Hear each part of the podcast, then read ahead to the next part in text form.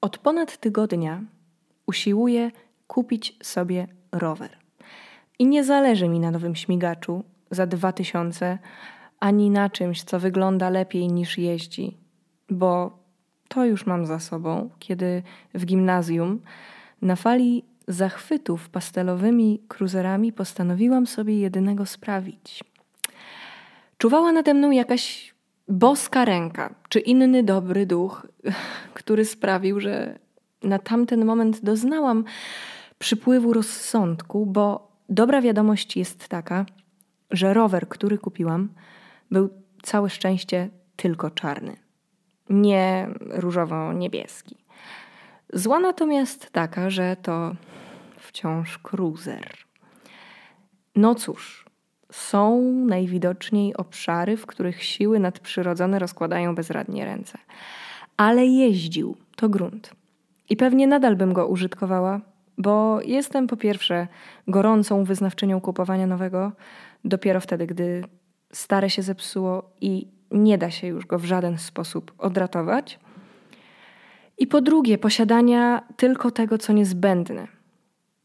Gdyby nie to, że teraz mieszkam na czwartym piętrze w kamienicy bez windy i nie udało mi się jeszcze wdrapać po schodach bez wpadnięcia do mieszkania z zadyszką. Więc wyobrażam sobie, jaką męką byłoby wnoszenie roweru, który waży dosłownie tonę na samą górę. Pan Mietek, właściciel sklepu rowerowego na rogu ulicy Smoleńsk i Alei Krasińskiego, który niestrudzenie pomaga mi w poszukiwaniach, twierdzi, że jedyne co jest w stanie pogodzić mieszkanie na czwartym piętrze z marzeniem o rowerze, to po prostu posiadanie chłopaka, który zaniesie rower na to ostatnie piętro. I nic nie szkodzi, że się już jednego ma, nic przecież nie stoi na przeszkodzie, by mieć drugiego w tym właśnie celu. Chcę powiedzieć, że ten sklep powinien być wpisany na listę UNESCO, albo chociaż we wszystkie przewodniki po mieście, a zwłaszcza te alternatywne i undergroundowe, które oferują poznanie miasta od strony mm, lokalnych mieszkańców.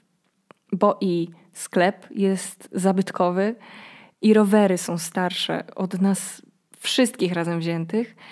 I sam wspomniany pan Mietek ma charyzmę i duszę nie z tego świata. To absolutnie nie jest fancy rowerowy warsztat, w którym oprócz fancy roweru, nie różniącego się praktycznie niczym od pozostałych, można kupić kolorowe skarpetki i czapki z daszkiem. Tylko to jest miejsce, do którego się wchodzi, właściwie schodzi jak do piwniczki i się nie wie, co z sobą zrobić. Tak samo jak z każdą dostawą, absolutnie nie wiadomo, na jakie rowery się trafi. Nie wiadomo też w sumie, o której ten sklep się otwiera, ani zamyka, ale wystarczy zadzwonić i spytać. W zeszły poniedziałek to była 10.30, innego dnia 11.30, a pan Mietek zawsze się upewnia: Ma pani moją wizytówkę? Niech się pani nie martwi, coś przywiozę w sobotę i na pewno znajdziemy dla pani rower. Marzec dobiega końca. Tradycja zobowiązuje i dzisiaj pora na marcowy miesięcznik przyjemności. Myślałam nad tym, że wypadałoby, żeby wśród tych przyjemności znalazła się jakaś polecajka kulturalna. Że ten miesięcznik, skoro został namaszczony na rytuał, to powinien mieć swoją niezmienną formę święty, nienaruszalny porządek. I w tym porządku mieszczą się również książki, filmy, rzeczy trochę poważniejsze niż jedzenie. Żebyście nie myśleli, że ja większość swojego życia tropię drożdżówki godne uznania i poddaję się umysłowej wegetacji i za chwilę jeszcze przebranżowię podcast. Nie nadaje się do wyzwań polegających na przeczytaniu 52 książek rocznie.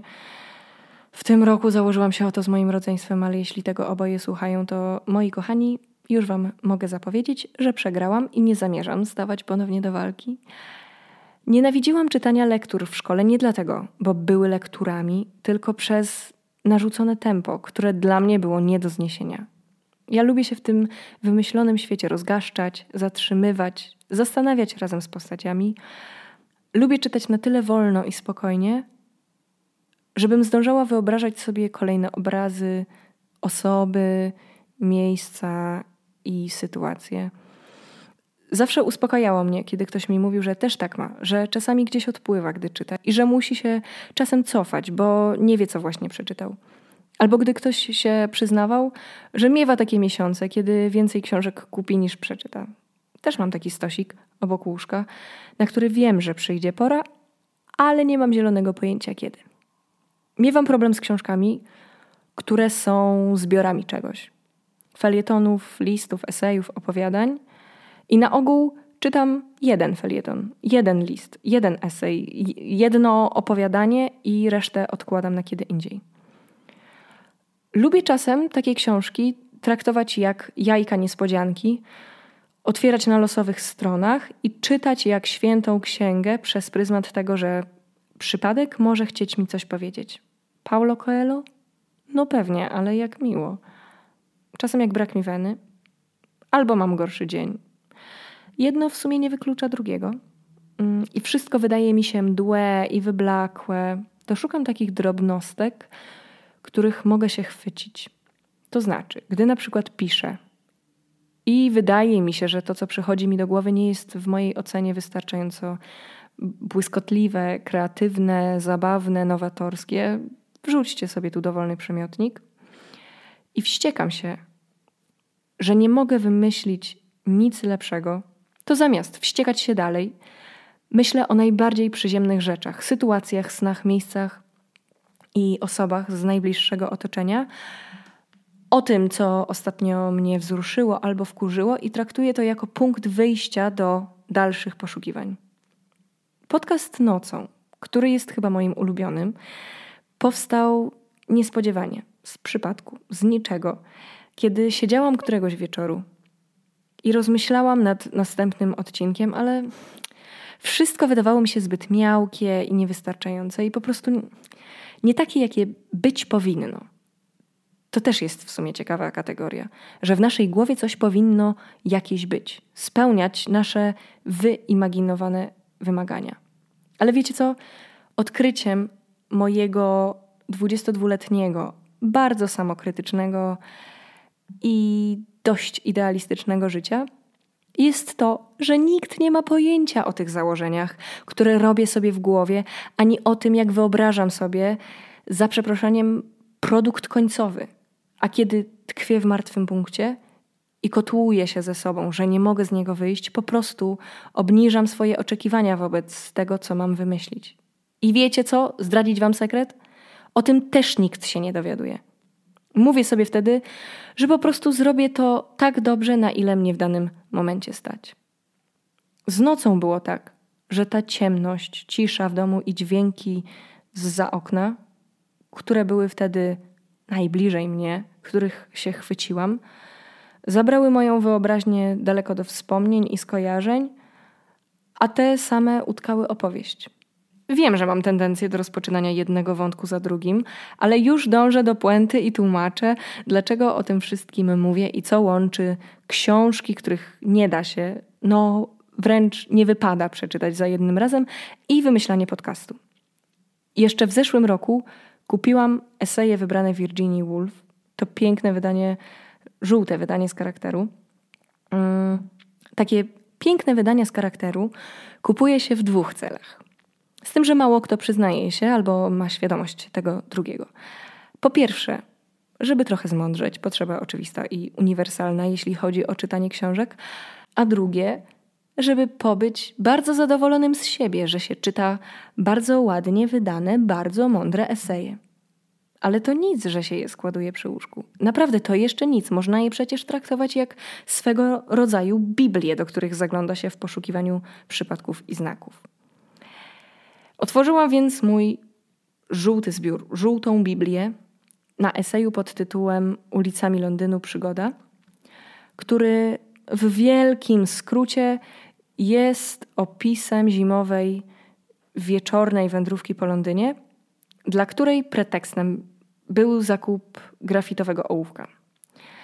Zaglądanie do mieszkań przez okna, obserwowanie zmieniającego się światła, wyobrażanie sobie domów – których się nigdy nie będzie miało, a do których pasują bibeloty i meble znalezione w antykwariacie. Nawiasem mówiąc, antykwariaty to miejsca, w których kupuje się urodzinowe prezenty skarby. Ja kocham znajdować jakieś książki albo plakaty i dopisywać do nich historie, które kojarzą mi się z daną osobą i powody, dla których kupuję akurat to, a nie coś innego.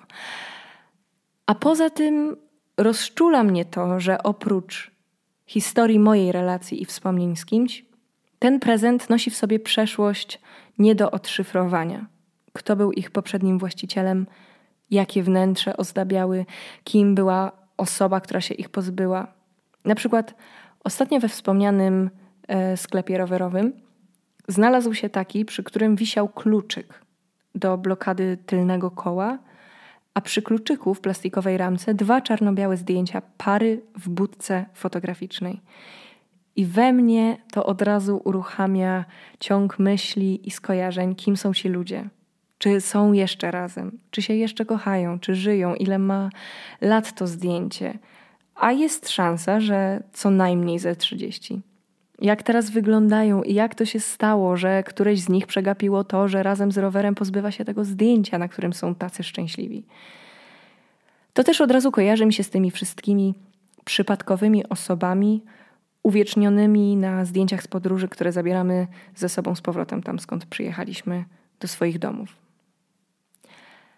Wracając do Virginii, bo próbuję całość spiąć jednak w ramy miesięcznika przyjemności.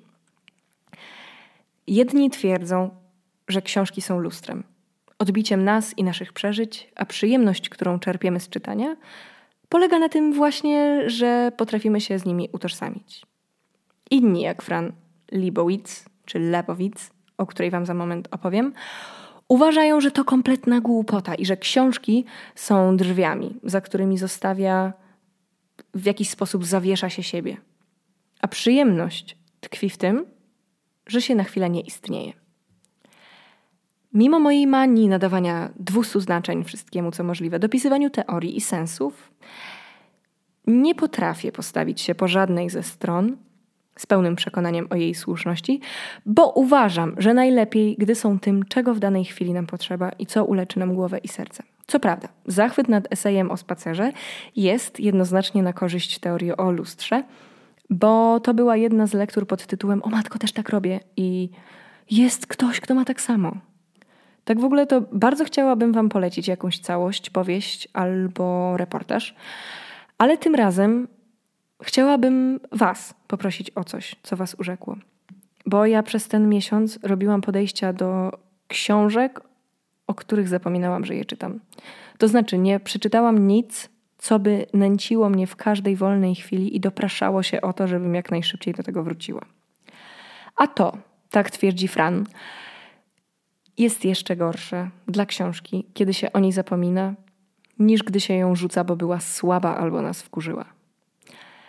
Na temat Fran, o której Scorsese nakręcił ośmioodcinkowy miniserial Udawaj, że to miasto na Netflixie, można by gadać i się sprzeczać, czy rzeczywiście jest ikoną, czy po prostu mamy uwierzyć i przyjąć, że nią jest.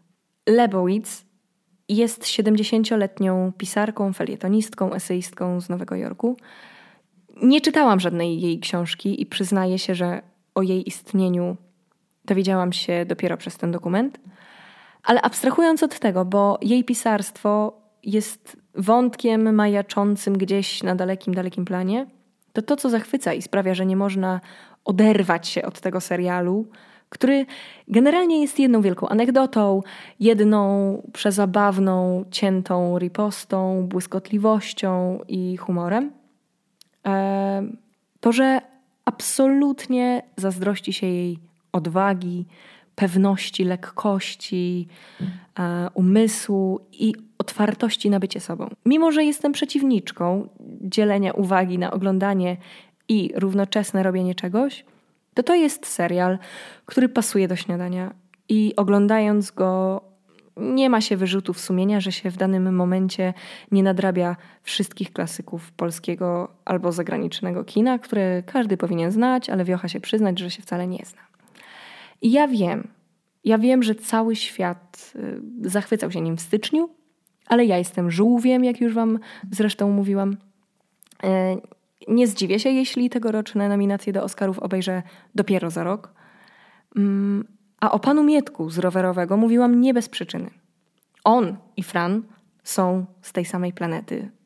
Planety wielobarwności, nie przejmowania się tym, co ktokolwiek mógłby sobie o nich pomyśleć, mówienia rzeczy na przekór, nie wpisywania się w żadną poprawność, a jednocześnie oni w ogóle nie tracą przy tym uroku ani charyzmy. Jeśli o czymś marzę, to właśnie o tym, żeby kiedyś na tę ich planetę dolecieć. Więc pozostanę sobą i bez obciachu opowiem Wam o czymś z orbity moich upodobań, co jednocześnie wpisuje się w przypadkowość patronującą temu odcinkowi, bez czego miesięcznik przyjemności nie będzie miesięcznikiem przyjemności. Jako, że nie ustaję w poszukiwaniach najlepszej drożdżówki, najpyszniejszej bułeczki na krakowskich szlakach kulinarnych, koniecznie muszę polecić Wam miejsce niepozorne na Podgórzu, które odkryłam też jakby przypadkiem. Co z tego, że gluten? Co z tego, że cukier i masło? Co z tego, że boska chodakowska grzmi gniewnie z niebios i załamuje ręce? Nie wiem, czy ta bułka jest w stałej ofercie, czy trzeba mieć farta, żeby na nią trafić. Ale ruszajcie do grani tuż przy kładce Bernatka. Nie wiem, jak to się czyta. Pisze się gry, any i po drożdżówę z budyniem, z kardamonem i masą sprażonych migdałów. I jeszcze kocham takie miejsca, jak to, które nie tylko dobrze karmią, ale w których spotyka się dobrych ludzi.